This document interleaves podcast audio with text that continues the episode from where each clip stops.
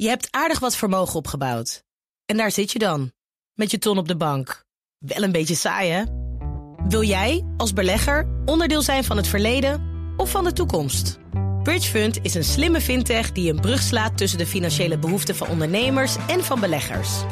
Dus wie belegt bij Bridgefund krijgt niet alleen een mooie vaste rente, maar brengt ook ondernemers in beweging. Echt waar, met die ton kan je zoveel betere dingen doen. Bridgefund. Make money smile. BNR Mobility wordt mede mogelijk gemaakt door ALD Automotive en BP Fleet Solutions. Today, tomorrow, together. BNR Nieuwsradio. Mobility. Meindert Schut en Nout Broekhoff. De komende jaren is het alle hens aan dek voor de Nederlandse truckmarkt. Ja, daarvoor waarschuwt eh, brancheorganisatie BOVAG. Waarom? Ja, dat hoor je natuurlijk straks van de branchemanager. Maar eerst... Ja, Watt Mobility, de maker van de elektrische stadsfietsen, wil groeien. En daar is natuurlijk geld voor nodig. Deze week kan iedereen die dat wil investeren in het Nederlandse e-bike merk. Frans Nomde is directeur van Watt Mobility. En nu in de studio, welkom. Ja, dankjewel dat ik je mag zijn. Keurig op de fiets gekomen natuurlijk.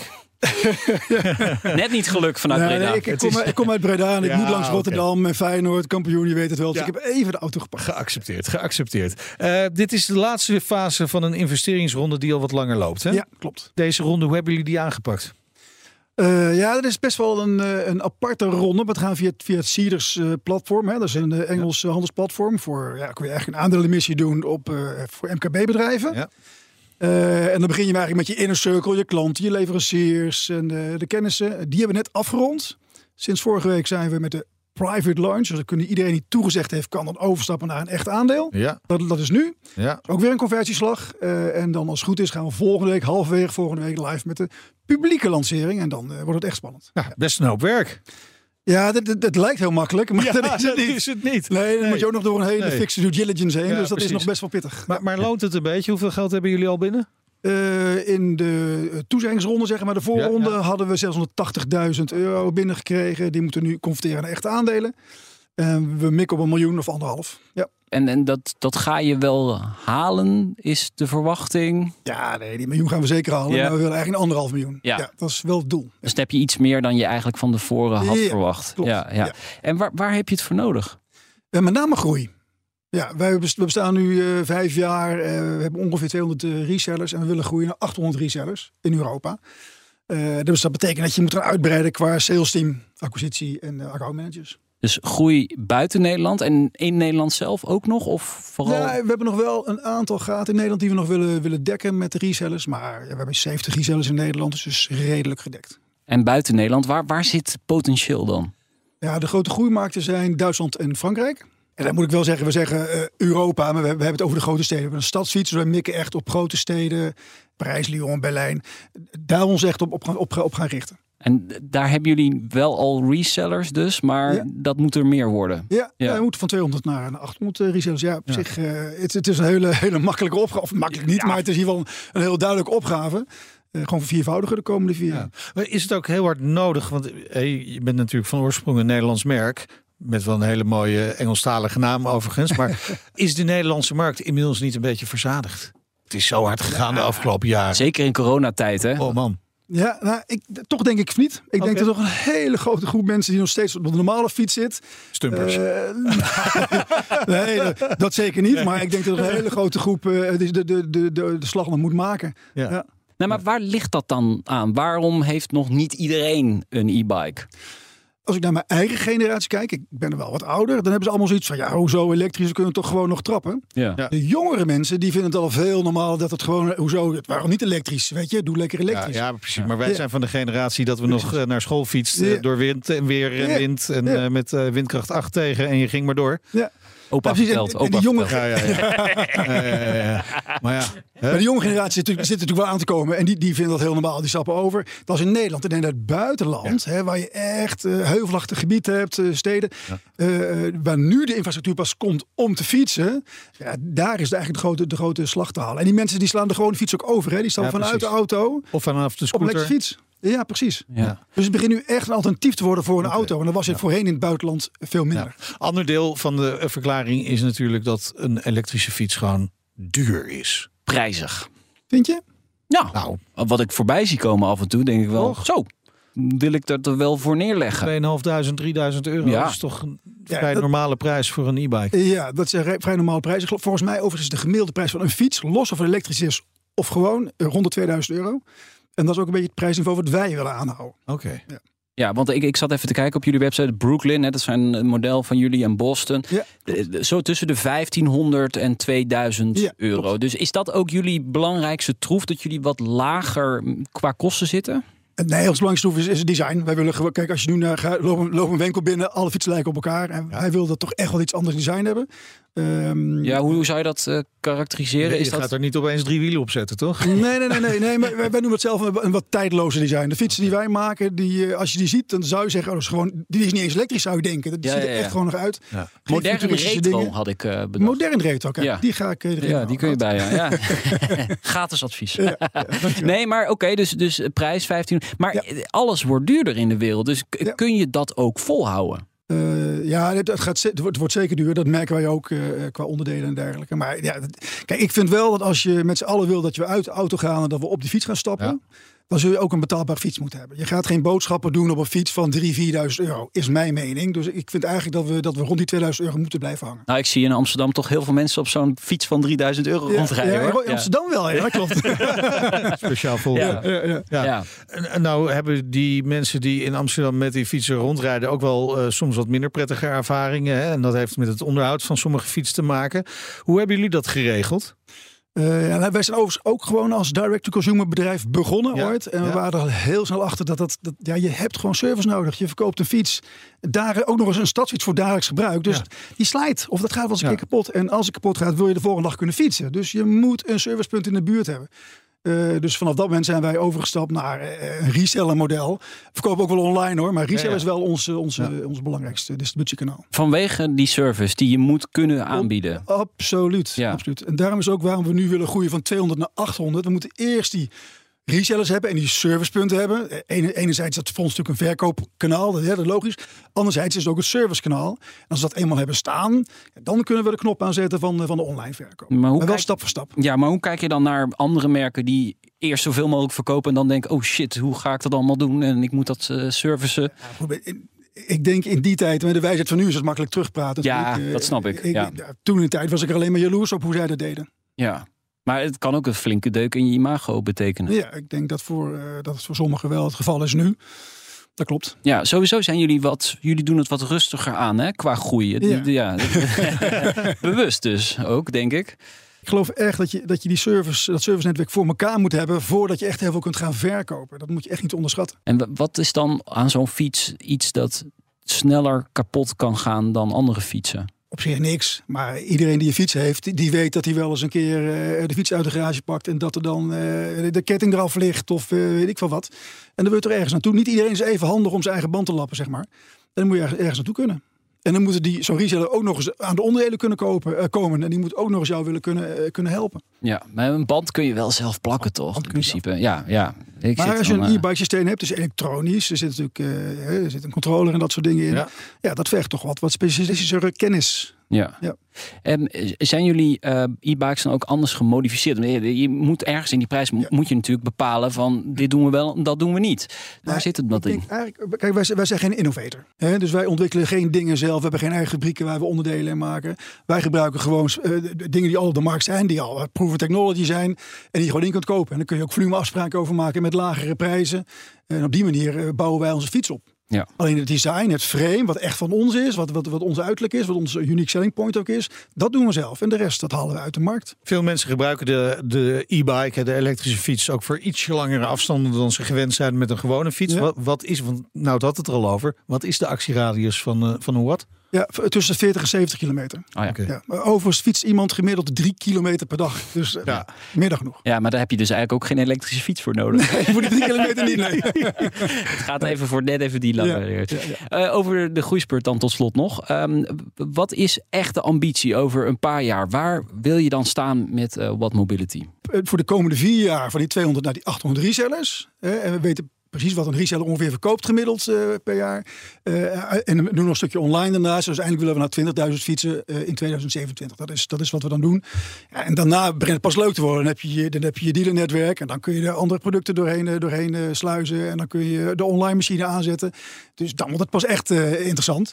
Maar tot die tijd 20.000 fietsen in 2027. En daar heb je plek voor om die fietsen allemaal te maken? Ja, nou, dat, dat, de overigens, dat het assembleren van fietsen, dat besteden we weer uit. Okay. En die capaciteiten zijn uh, meer dan voldoende. Mooi, heel veel succes de komende tijd. Eerst met het ophalen van het geld en daarna met de, de uitbreidingen. Natuurlijk gewoon vooral ook met de verkoop van, uh, van de fietsen van What Mobility. Dank Frans Nonden, directeur van What Mobility. BNR Mobility. De Nederlandse trucksector staat aan de vooravond van grote veranderingen. Het is volgens de brancheorganisatie alle hens aan dek. Aad Verkade is branchemanager van de truckdealers bij de BOVAG. Welkom, leuk dat je er bent. Ja, deze conclusie trekken jullie aan de hand van een groot onderzoek uitgevoerd door uh, adviesbureau KPMG. Hè? waarom is het eigenlijk alle hens aan dek? Nou, het is alle hens aan dek omdat er de nodige veranderingen op deze sector afkomen. En dat heeft heel erg veel te maken natuurlijk met de verduurzaming van logistiek, eh, klimaatakkoord in het algemeen. En uh, ja, op deze sector komen veranderingen af die vooral met de techniek van de voertuigen te maken heeft. Uh, en nu rijdt alles op diesel. Ja. Maar straks krijg je waterstof, elektrisch, uh, hybride vormen. En daar moet je je bedrijf wel op voorbereiden om daar goed op in te kunnen spelen. Ja, en dan heb je ook nog het personeel nodig. Precies, en dat is een van de hoofdbrekens. Hè. Dat blijkt ook niet alleen uit dit onderzoek. Maar ook uit andere onderzoeken. Net als veel technische sectoren zoeken onze dealers ook uh, zoeken mensen. Maar uh, ja, wat we wel eens vergeten, het is niet een hele grote sector. Uh, dus het gaat ook niet om heel erg veel nieuwe instroom die we nodig hebben. Okay. Maar je, ja, je hebt ook andere mensen nodig dan, dan vroeger. Een dieselmonteur is geen elektromonteur, nee, andersom. Nee. Dus dat, dat, ja, er komt echt wel iets op die bedrijven af. Nou ligt dat rapport van KPMG er. Dat is misschien goed. Goed dat het onderzocht wordt. Maar heel verrassend is het niet, hè? Nee, dat wisten we ook wel toen we de opdracht gaven voor okay. dit onderzoek. En we zeiden eigenlijk van gaan we nou niet opschrijven wat we allemaal al weten. Ja, precies. Maar toen we het vorige week aan onze dealers, onze leden presenteerden, zei iedereen wat ontzettend fijn dat ik het nou allemaal een keertje bij elkaar heb. Ja. Ik kan daar echt iets mee doen. Hè. Ik zie wat er op me afkomt. Want anders, het, het, het, is ook een sector waar iedereen met de waan van de dag bezig is. Ja. En dat is wel onze taak als branchevereniging. Hè. Wij klimmen af en toe op de uitkijktoren, kijken wat verder vooruit. En ja, dan gaan bedrijven daarmee aan de slag. Ja, en in zo'n rapport zit dan alle kennis gebundeld ja, eigenlijk. Ja. Die je nodig hebt om de toekomst in te gaan. Precies, alles is gebundeld. Je gaat ook op, in verschillende hoofdstukken in op, op de materie. Hè. Want het gaat niet alleen om gebrek aan mensen. Het gaat niet alleen om veranderende technologie. Maar ook het verdienmodel wat erachter zit. Dat interesseert ondernemers natuurlijk ook enorm de importeurs, en dat zien we nog niet zozeer als bij personenauto's, dat er nog geen agentuurmodellen worden aangeboden. Ja. Dat, dat is ook wel logisch, omdat een truck, uh, ja, als die de fabriek uitrolt, altijd nog een halffabrikaat is. Er moet een bak opgebouwd, een kraan opgebouwd, een vuilniswagen van gebouwd worden. En daarom heeft een importeur en een, uh, een fabrikant heeft die dealer gewoon keihard nodig om dat voertuig op de weg te krijgen. En nog belangrijker om hem op de weg te houden.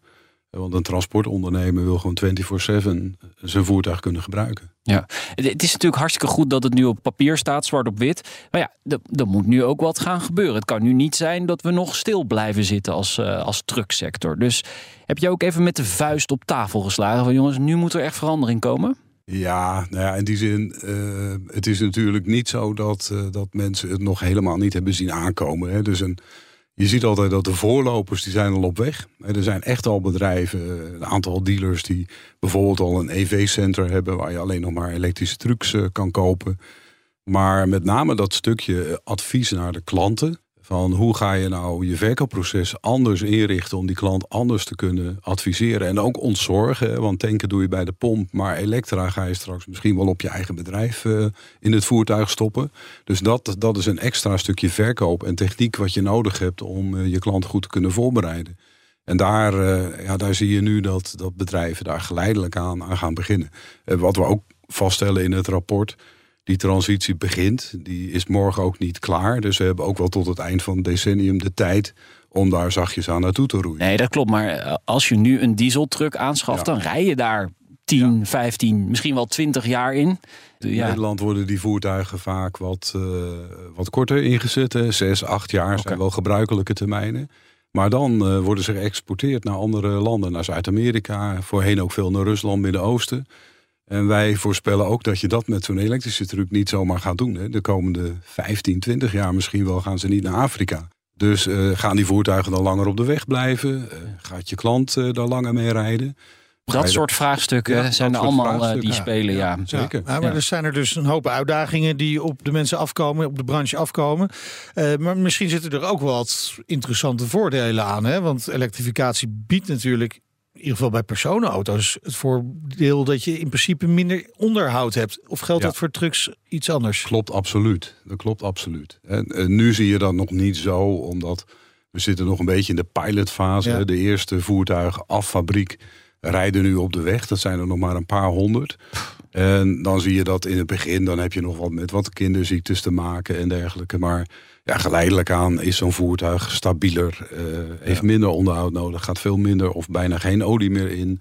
Maar ja, dat onderhoud gaat afnemen. En Ja. wij voorspellen in dat rapport ook, als, als je ziet hoe het in gaat faseren in het wagenpark. Als dat in lijn gaat lopen met wat de overheid ook eist, hè, zero-emissie stadslogistiek gaat eraan komen in Ja, 2025.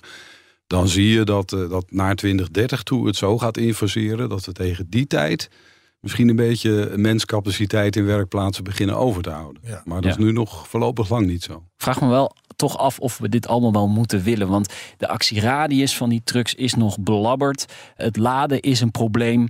Het is, ja, dit, dit wil je eigenlijk ondernemers zeker de komende jaren niet aandoen. Ja, daar heb je wel een punt. Hè. En, en daarom is het ook zo belangrijk dat die dealer eh, de rol van adviseur aanneemt. Eh, Want het komt op ons af. En, en heel veel mensen zeggen wel, ja, het is eigenlijk een heel slecht idee. Maar neem maar één ding van mij aan, het gaat gewoon gebeuren. Hè. De overheid heeft nou eenmaal die stip op de horizon gezet. Ja. En die zal best een klein beetje op de rem eh, misschien nog gaan. Maar het gaat gewoon gebeuren. Maar is het realistisch? En, jawel, het is realistisch voor dat wat al wel kan. Hè? Want je, er wordt heel vaak gekeken naar dat wat nog niet kan. En wat nog niet kan, is dat je nu in één batterijlading met een volle lading van 30 of 40 ton naar Italië rijdt vanuit eh, Amsterdam.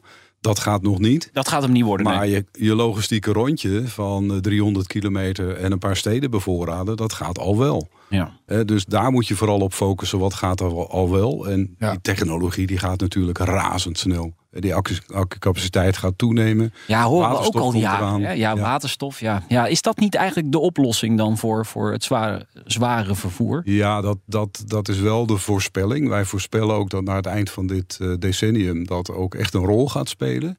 Maar waterstof heeft wel eh, heeft een busje van links gekregen. En dat is toch de energiecrisis. Waardoor eh, mobiliteit niet zomaar op de eerste plaats zal staan om waterstof uitgebreid te gaan krijgen als het beschikbaar komt. Nee, dus eerder industrie. De zware industrie Ja. heeft ook zijn vinger opgestoken. Ja, Die willen ja. het ook hebben. Ja, precies. Bovendien, bovendien heb je met waterstof natuurlijk een vergelijkbaar probleem eh, als met batterij elektrisch.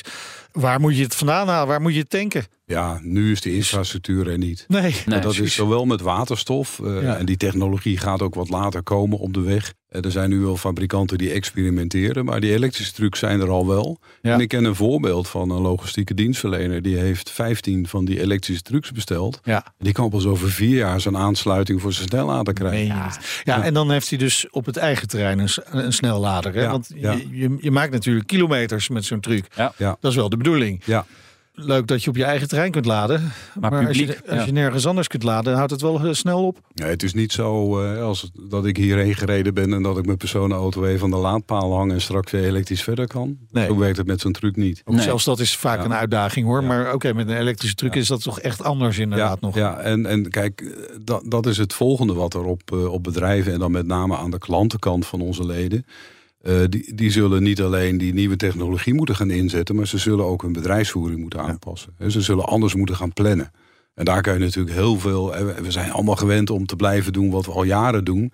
Maar er moet echt een mind change komen. Er moet een andere manier van Ja. logistieke plannen komen. Ja, je kunt heel veel plannen maken, eh, maar het moet in de praktijk wel werken. Ja, ben ik helemaal met je eens. En ik, ik vind het persoonlijk ook heel jammer dat ook in het klimaatakkoord en in de maatregelen die de overheid neemt, dat er te weinig focus is op die verandering van die logistieke systemen.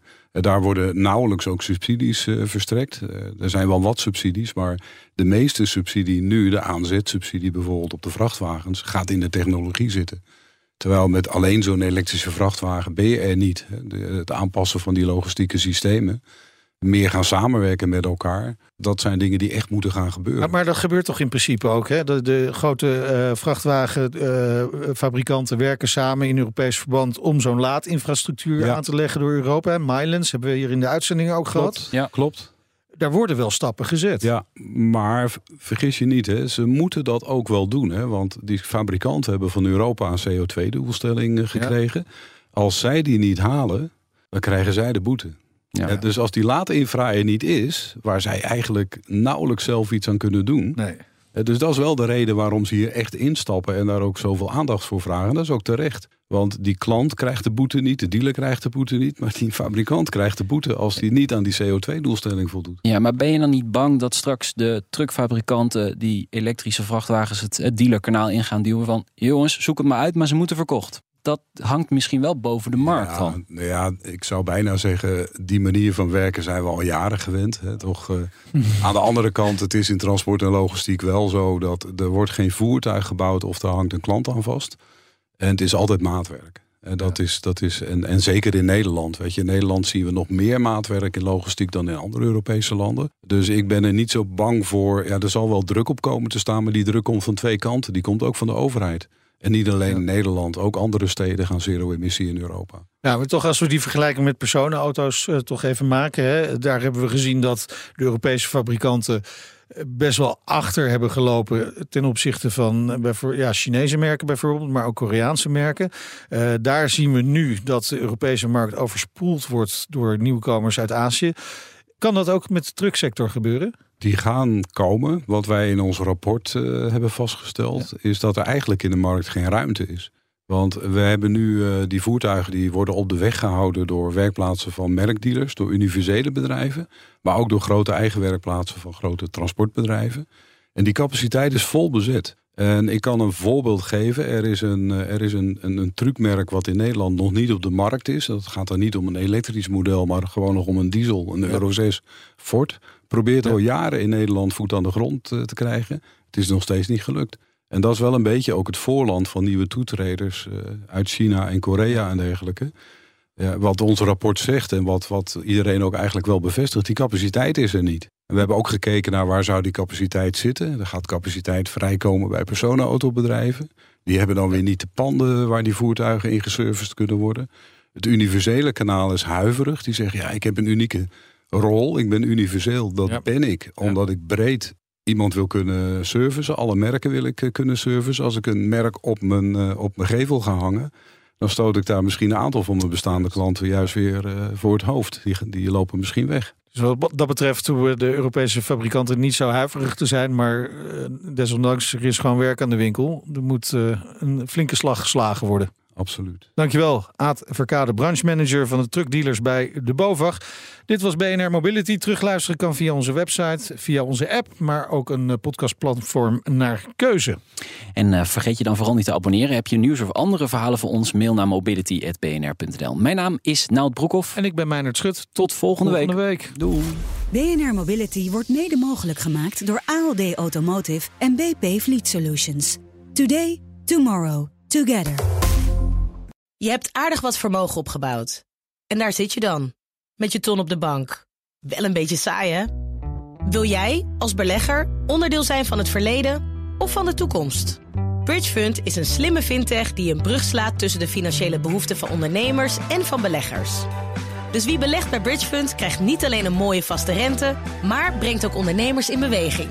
Echt waar, met die ton kan je zoveel betere dingen doen. Bridgefund. Make money smile.